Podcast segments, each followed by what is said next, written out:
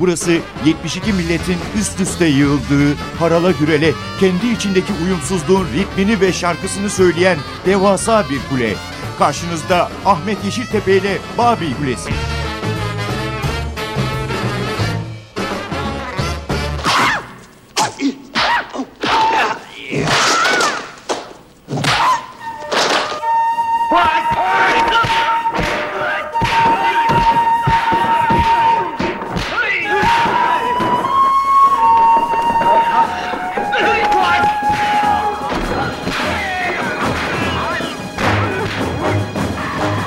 Anlatmak elbette bir programlık, bir bölümlük bir iş değildi. Onu, dünyanın en popüler ikonlarından biri olmasını sağlayan özelliklerini saymak tabii ki bir haftaya sığmayacaktı. Bu yüzden şimdi Bruce Lee'nin öyküsünü, onun sinema kariyerini ve şüpheli ölümünü anlatacağımız Bruce Lee'yi hatırlıyoruz belgeselinin ikinci bölümüyle karşınızdayız.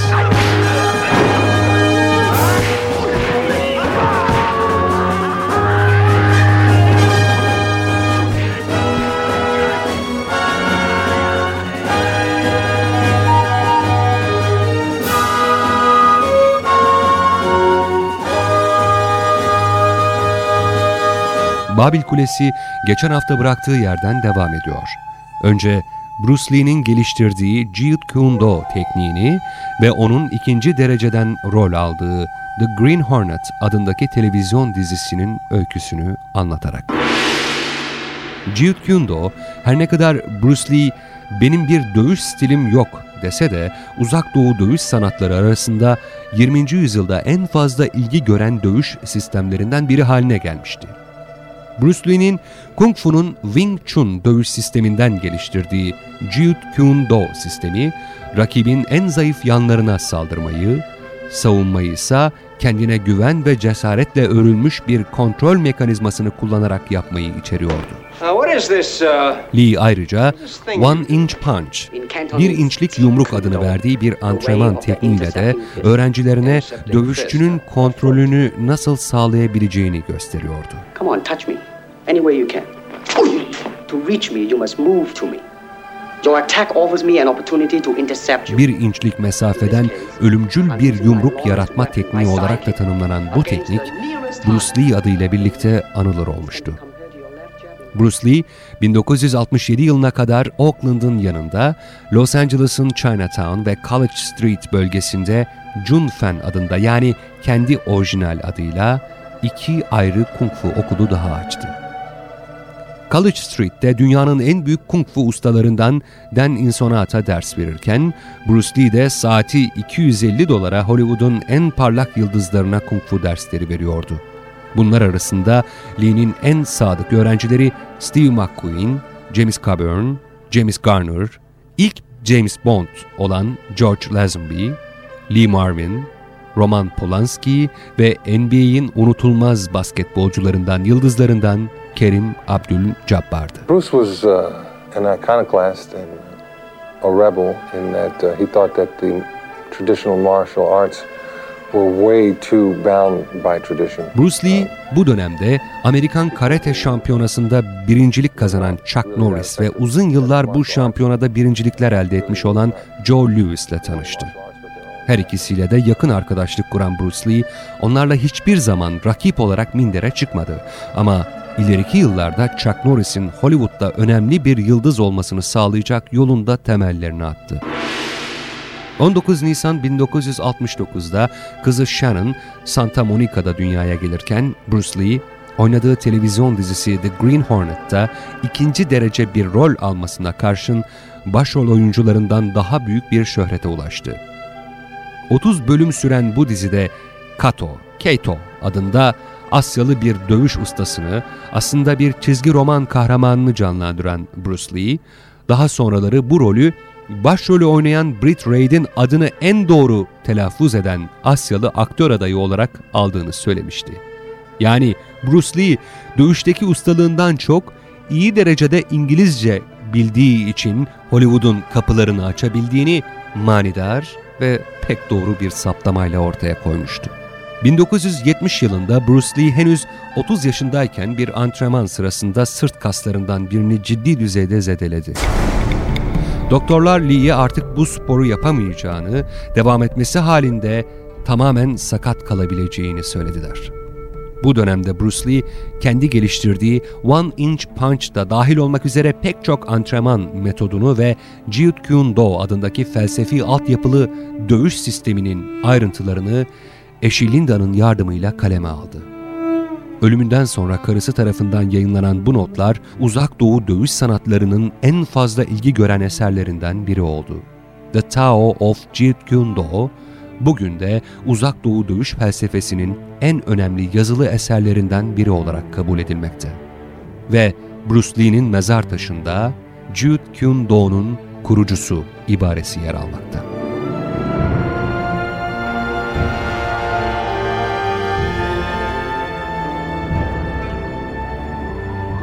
霍元甲因挫俄罗斯大力士，败日本武道高手。 Bruce Lee 1970 yılında sakatlanmasının hemen ardından sinemayla olan ilişkisini yoğunlaştırdı. 忠告不至，博士逝世后，死因人言人殊。 1971'de aktör Janis Coburn ve yapımcı senarist Sterling Siliphant'la birlikte Silent Flute, Sessiz Flüt adında bir film yapmak üzere kolları sıvadı. Bu ikiliyle Hindistan'a giden ve bir ay süreyle film için uygun mekan arayan Bruce Lee, James Coburn'un projeden çekilmesiyle büyük bir hayal kırıklığı yaşadı. Ancak Lee bu sırada Hindistan'da iki yıl sonra çekeceği bir filmin Game of Death'in senaryosunu hazırladı. Bu senaryoda Shaolin Tapınağı'nda yetişen bir dövüşçünün öyküsü anlatılıyordu. Üç ayrı basamak halinde öğrencinin siyah kuşakta hızla 9. dana yükselişi, sonrasında da bilinmezlik derecesinde kötülere karşı bir ölüm makinesine dönüşmesi anlatılıyordu. Hindistan ve hemen ardından Tayland'dan planları sonuçsuz kalmış ve üzgün bir halde Hong Kong'a dönen Bruce Lee, burada adeta bir halk kahramanı gibi karşılandı. Is Bruce Lee your hero? Yes.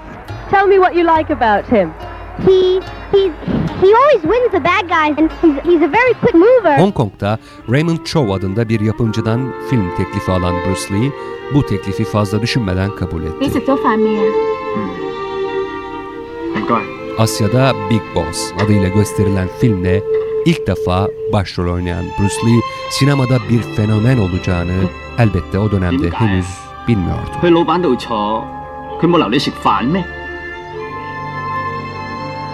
去老板度坐，佢冇留你食饭咩？冇噃。老板点讲啊？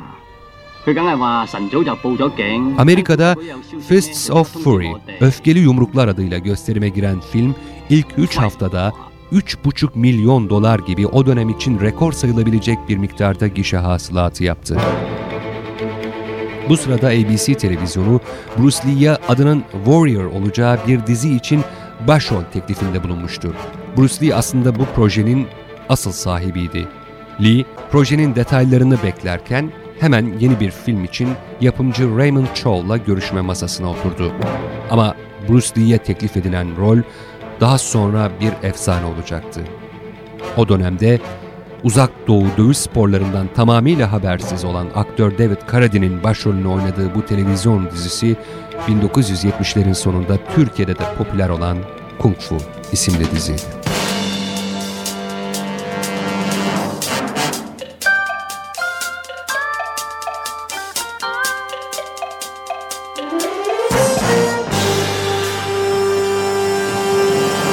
Bruce Lee, Hollywood'un en saygın prodüktörlerinden William Dozier'le beraber 5 yıl önce televizyon için geliştirdiği Kung Fu projesinin çalındığını ve kendisine haber verilmeden başrolünün David Carradine'e sunulduğunu öğrenince büyük bir hayal kırıklığı daha yaşamış oldu.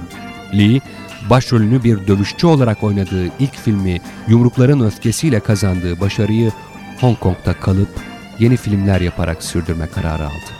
Böylece Çinli yapımcı Raymond Chow'dan ayrılıp kendi film yapım firması Concord Productions'ı kurdu. Lee artık sinema kariyerine sadece oyuncu olarak değil ayrıca senarist ve yapımcı olarak da devam etme kararını almıştı. 1972 yılında Menglong Guojiang Ejder'in Dönüşü isimli ilk filmine oranla daha büyük bütçeli bir projeye start verdi Bruce Lee. Bu Concord Productions'ın ilk filmi olacaktı. 1972 yılının başlarında İtalya'da Roma'da çekimlerine başlanan filmde Hapkido ustası Ing-Sik Wang, karate efsanesi Robert Wall ve 7 kez Amerika Birleşik Devletleri karate şampiyonu olan Chuck Norris rol aldılar. Bruce Lee ise filmde Roma'daki kuzeninin restoranına çalışmak için gelen köylü bir Çinli genci oynuyordu. Film aynı yıl vizyona girdi ve Asya ülkelerinde muazzam bir gişe başarısı gösterdi. O yıl Time dergisi Bruce Lee için hazırlanan özel bir dosyada şöyle bir başlık kullanmıştı. Elleri, ayakları ve duruşu. Başka hiçbir şey. Onu küçük bir adamdan sert bir dövüşçüye dönüştüren unsurlar.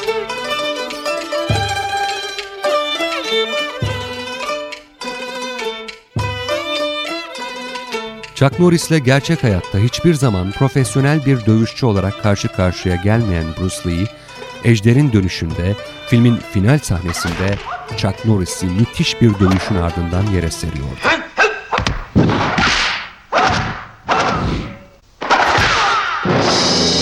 Ejder'in dönüşü Bruce Lee'nin dövüşçü olarak başrolünü oynadığı Büyük Patron ya da Öfkeli Yumruklar ve Chinese Connection ya da Öfkeli Yumruklar 2 isimli ilk iki filmden daha büyük ses getirmişti. Ejder'in dönüşü, uzak doğu dövüş sporlarını konu edinen filmler arasında o güne dek tarihte görülen en büyük gişe hasılatına ulaşmış ve kırdığı izleyici rekoruyla tarihe en başarılı Hong Kong filmi olarak geçmişti.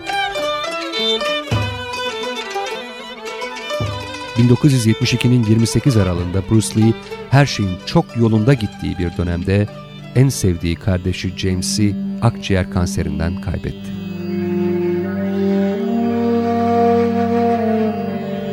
Anne ve babasının sözünü ettiği ejderin laneti Lee'nin peşine düşmüştü sanki. Çocukluğunda rüyalarına giren lanet peşindeydi artık.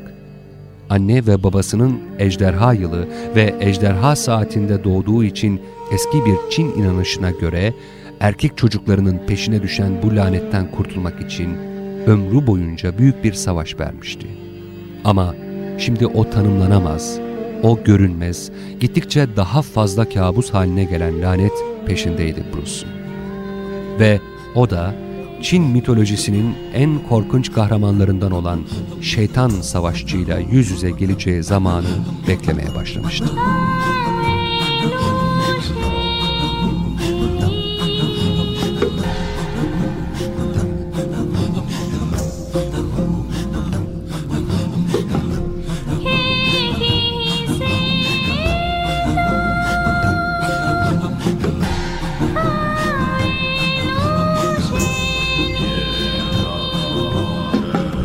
Bruce Lee 1973 yılının Şubat ayında daha önce Hindistan ve sonra da Tayland'da ön çekimlerini yaptığı ve senaryosunu yazdığı Game of Death, Ölüm Oyunu isimli projesini askıya aldı.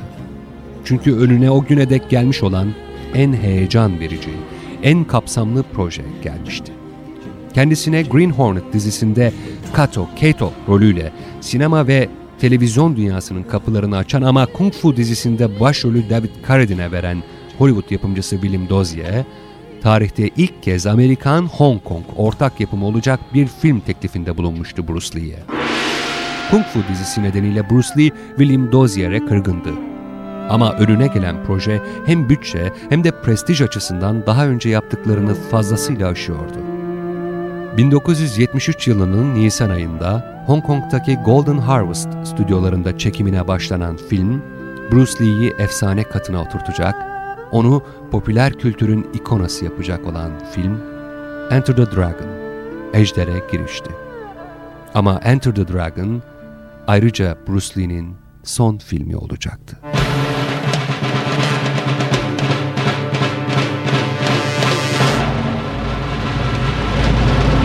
Enter the Dragon'ın çekimleri henüz tamamlanmış ve dublajına henüz geçilmişti.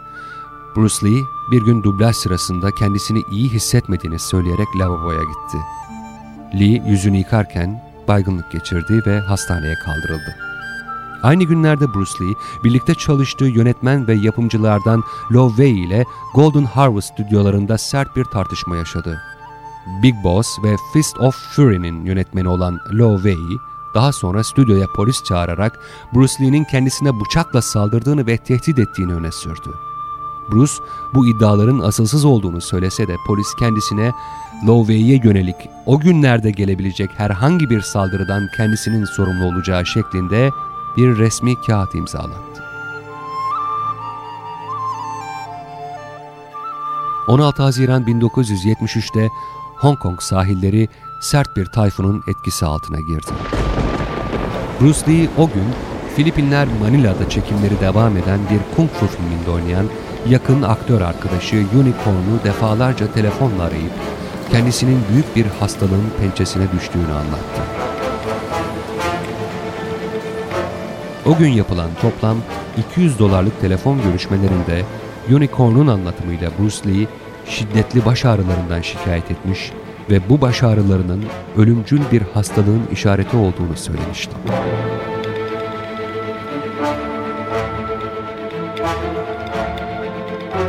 İki gün sonra Tayfun, Bruce Lee'nin Hong Kong'daki evinin çatısını uçurdu. Aynı günün akşamı çatı üzerine yapılan demir yamalar Bruce Lee'nin büyük tepkisi nedeniyle yerlerinden söküldü. Çünkü Bruce, yamaların evin ruhuna zarar verecek biçimde düzenlendiğini ve bunun kötü bir Feng Shui düzenlemesi olduğunu söylemişti. Son dört günde her şey Bruce Lee'nin inançlarına ve hissiyatına ters yönde seyir izliyor ve Bruce Lee adeta çocukluğundan beri kendisini takip eden şeytan savaşçıyla yüzleşmeye hazırlanıyordu. Nihayet 20 Haziran 1903 günü Bruce Lee hayatı boyunca beklediği, peşini bırakmayan o lanetin gerçek ruhuyla karşılaştı.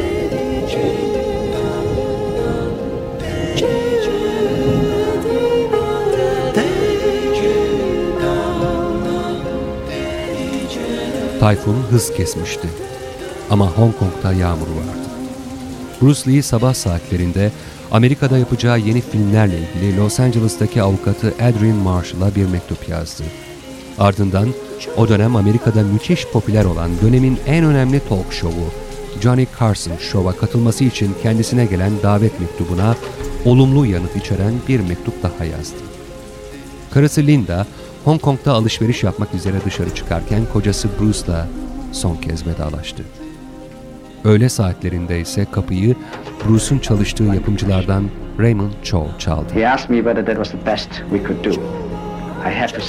Bruce Lee, çekimleri yarıda kalan, senaryosunu kendisinin yaptığı Game of Death, Ölüm Oyunu isimli filmin tamamlanması konusunda Raymond Chow'la anlaşmaya vardı. İkili, akşama doğru bu filmde rol alan aktris Betty Ting Pei'ye müjdeli haberi vermek üzere onun Hong Kong'daki dairesine gitti. Betty de o akşam sinema tarihine ilk James Bond olarak geçen George Lazenby'yi evine davet etmişti. Böylece Bruce Lee, Los Angeles'tan arkadaşı olan Lazenby ile de görüşecekti. Ancak Betty, evine gelen Bruce Lee ve Raymond Chow'a dışarıda yemek ısmarlamak istediğini söyledi. Tam dışarı çıkacakları sırada Bruce Lee, başının çok ağrıdığını söyleyerek Betty'nin evinin salonundaki kanepeye yattı. Raymond Chow ise George Lazenby ile buluşmak üzere restorana gitti. Bu ikili saat 9'a kadar Bruce ve Betty'yi beklediler ancak gelen olmadı. Raymond Chow, Betty'yi telefonla aradığında Bruce Lee'nin baş ağrısının devam ettiğini öğrendiği ve yemek için artık kendilerini beklemeyeceklerini söyledi. Bruce Lee'nin baş ağrısı devam ediyordu. Saat 10 gibi Betty kendi doktorunu arayarak evine çağırdı. Ama o sırada adı Equajezik olan bir baş ağrısı hapını Bruce'a verdi.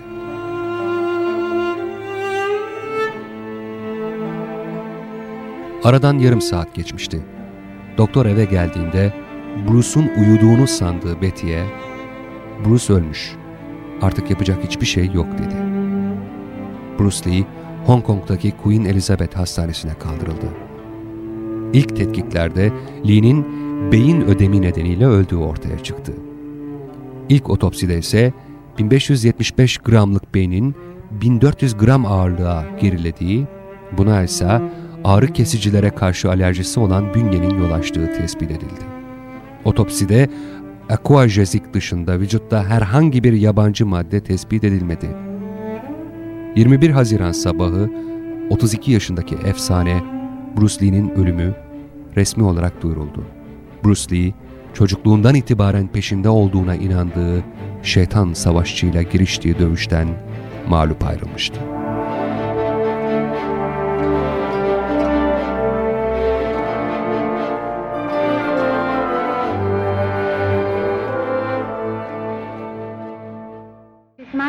That the newspapers and the people of Hong Kong will stop speculating on the circumstances surrounding my husband's death. Although we do not have the final autopsy report, I hold no suspicion of anything other than natural death. I myself do not hold any person or people responsible for his death. Fate has ways we cannot change. The only thing of importance is that Bruce is gone and will not return. Bruce Lee'nin ölüm nedeni beyin ödemi olarak açıklandı. Ancak özellikle Hong Kong halkı bu açıklamayı tatminkar bulmamıştı.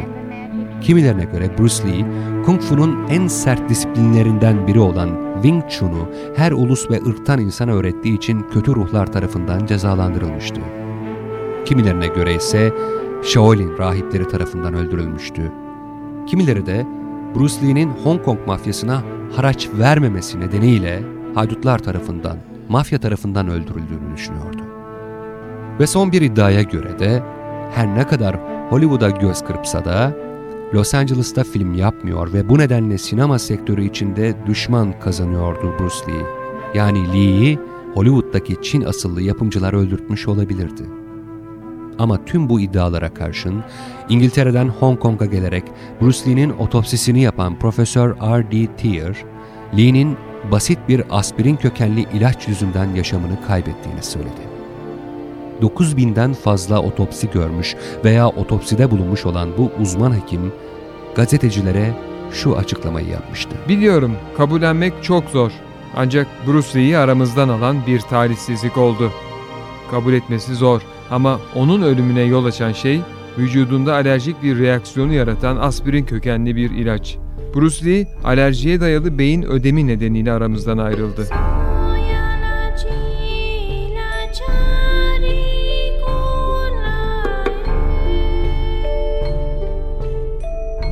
Ölümünden kısa bir süre sonra eşi Linda Emery Lee basına şu açıklamayı yaptı. Bruce hep şöyle derdi. Eğer yarın ölürsem hiçbir konuda pişmanlık duymadan giderim. Fiziken kendimi en iyi hissettiğim çağda istediğim her şeyi yapmış ve yeteneklerimi kaybetmemiş bir yaşta ölmek isterim.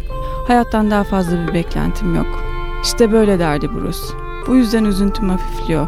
Onu hep bu sözlerle hatırlayacağım.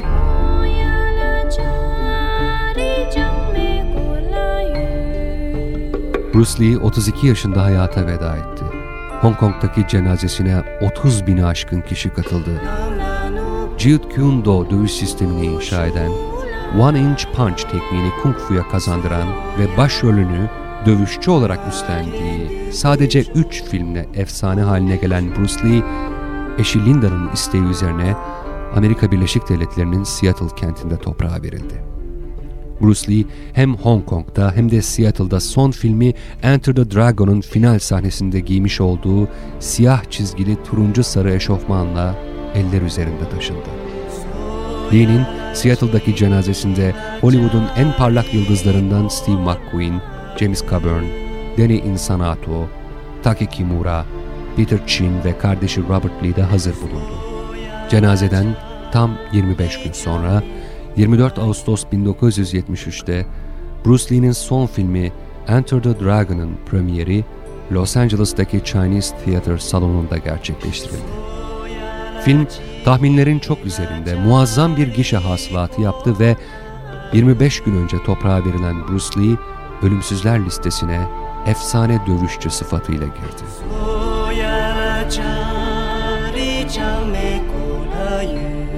Bruce Lee'nin bugün mezarı başında her daim çiçekler var. Hiç solmamış, hiç tazeliğini kaybetmemiş çiçekler. Dünyanın dört bir yanından gelen hayranlarının her gün bıraktığı taze kır çiçekleri.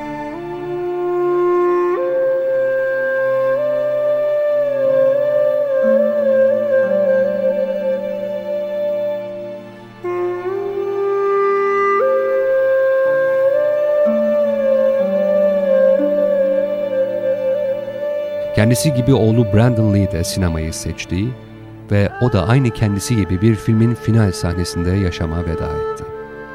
Lee'nin peşini bırakmayan lanet, Brandon'ı başrolünü üstlendiği Crow isimli filmin setinde yakaladı.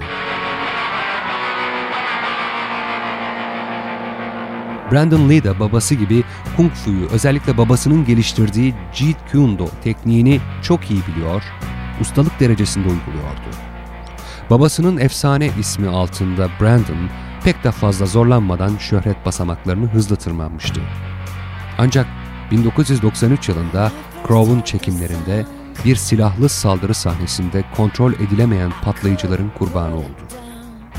Bruce Lee, Enter the Dragon'ın final sahnesinde önce filme batılı bir imaj kazandıran John Saxon'ı yeniyor, ardından aynalı bir labirentte filmin birincil kötü kahramanı Han'ı alt ediyordu.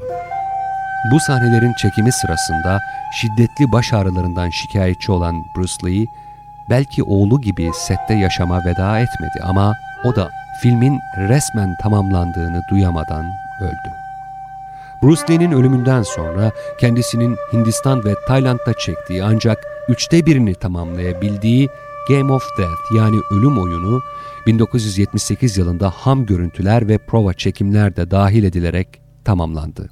Hugh O'Brien, Kerim Abdülcabbar ve Dan Insanaato'nun yer aldığı bu filmde Bruce Lee'nin rolü ona benzeyen bir dublör tarafından oynandı. Çok kötü bir montaj tekniği ve çok zayıf bir yönetim sergilense de Game of Death, Bruce Lee'nin son filmi olarak lanse edildi ve en az diğerleri kadar büyük gişe hasılatı yaptı. Lee efsanesi öylesine çarpıcı, öylesine vazgeçilmezdi ki Hollywood yapımcıları ona fiziken benzeyen ya da ismi benzetilen oyuncularla yeni kung fu filmleri yaptılar. Hatta Jackie Chan gibi doğulu, Jean-Claude Van Damme ve Chuck Norris gibi batılı genç yeteneklerle kung fu sinemasına farklı kahramanlar, yeni starlar kazandırmaya çalıştılar. Ancak bunların hiçbiri Bruce Lee efsanesinin önüne geçemedi. Değil önüne geçmek, onun gölgesi bile olamadı. Water can flow or it can crash. Be water, my friend.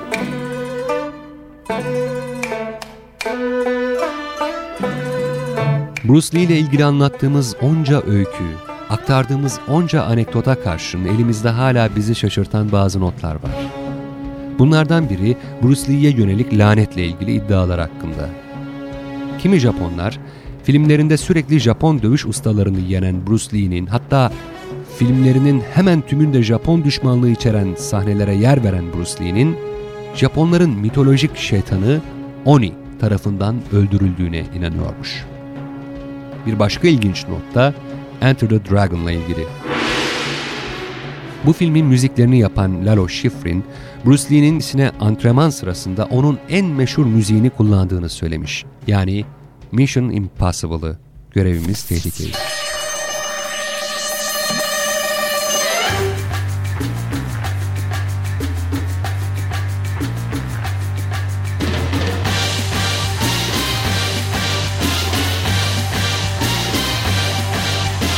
Bruce Lee'nin antrenman müziği olarak kullandığı Mission Impossible nedeniyle Lee, en görkemli yapıtı Enter the Dragon'ın müziklerini Lalo Schifrin'in yapmasını istemiş. Ve ortaya gerçekten de sıra dışı, heyecan verici, unutulmaz bir film müziği çıkmış.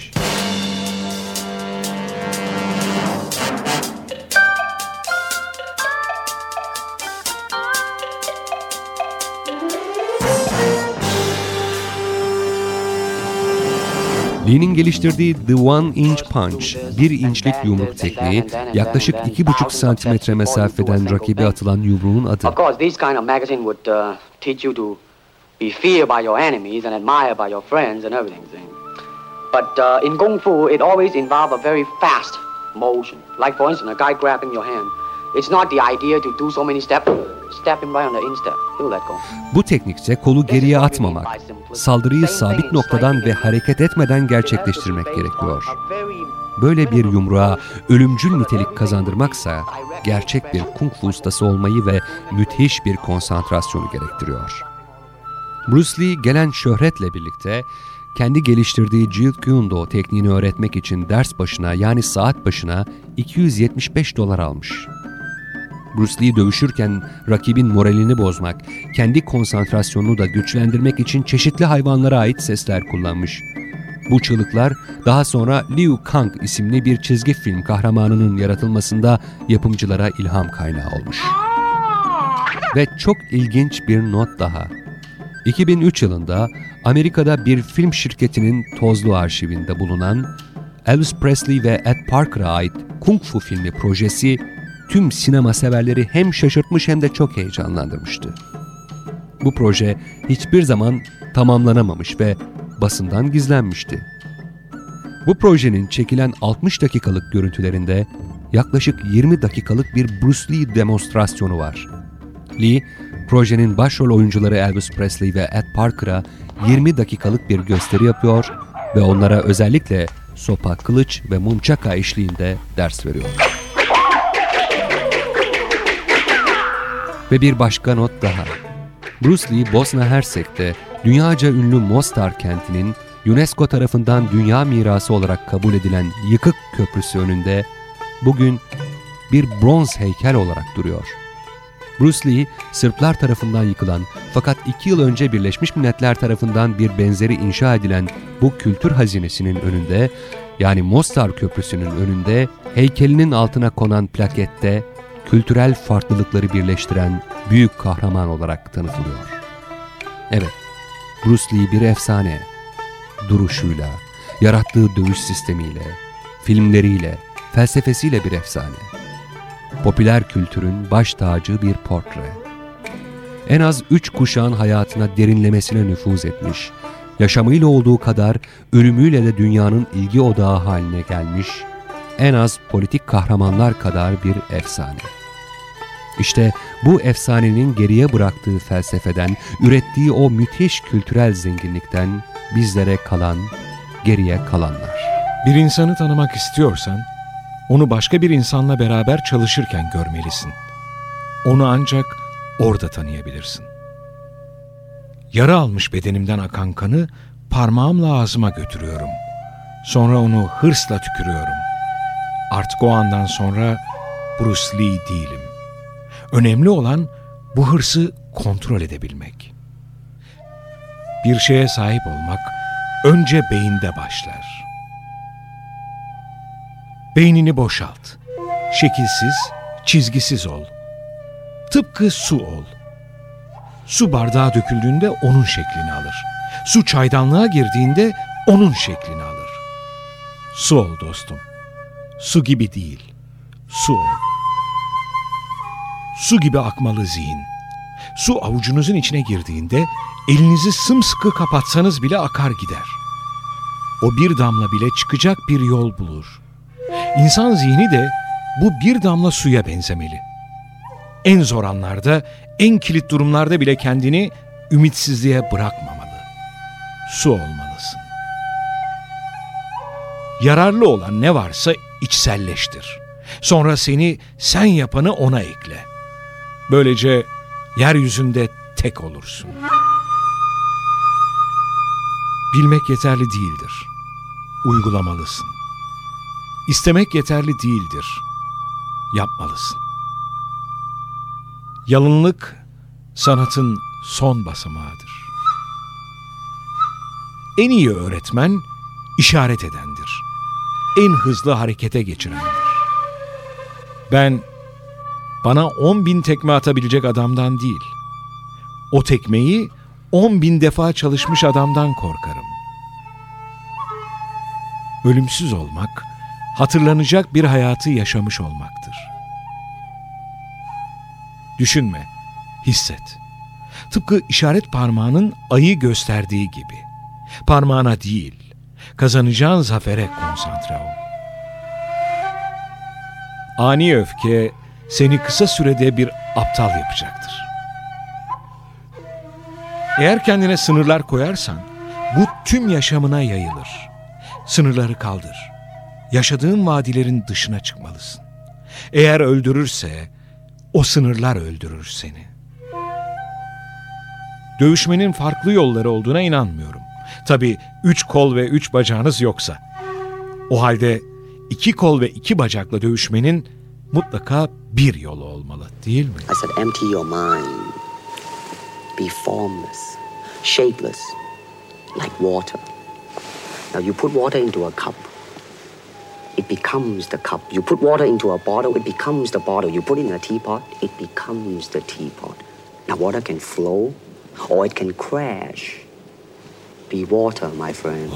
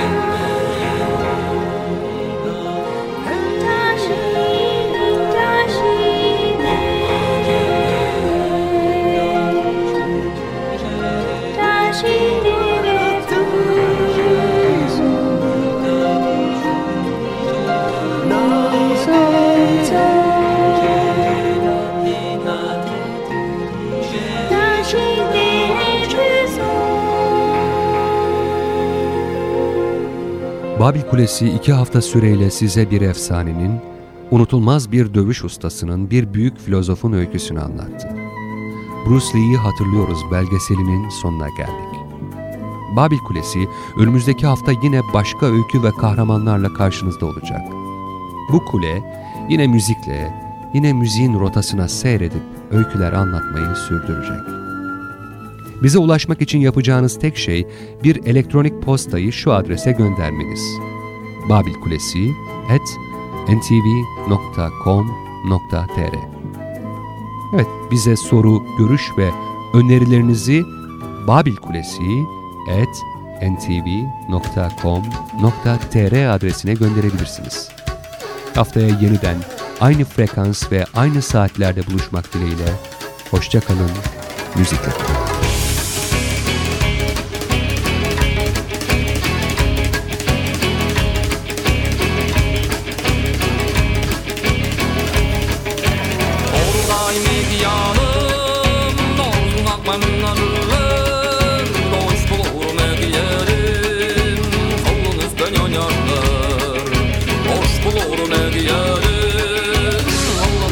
Not love.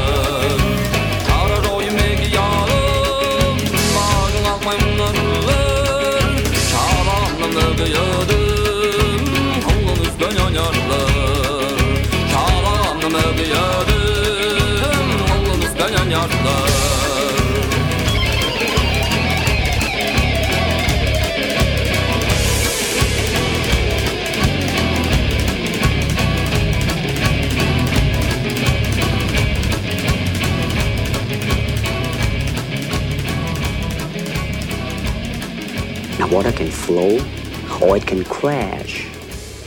Be water, my friend.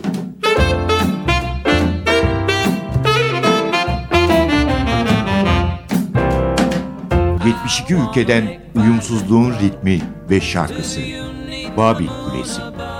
Rengarenk bir ses tayfı. Babil Kulesi. Ahmet Yeşiltepe ile NTV Radyo'da.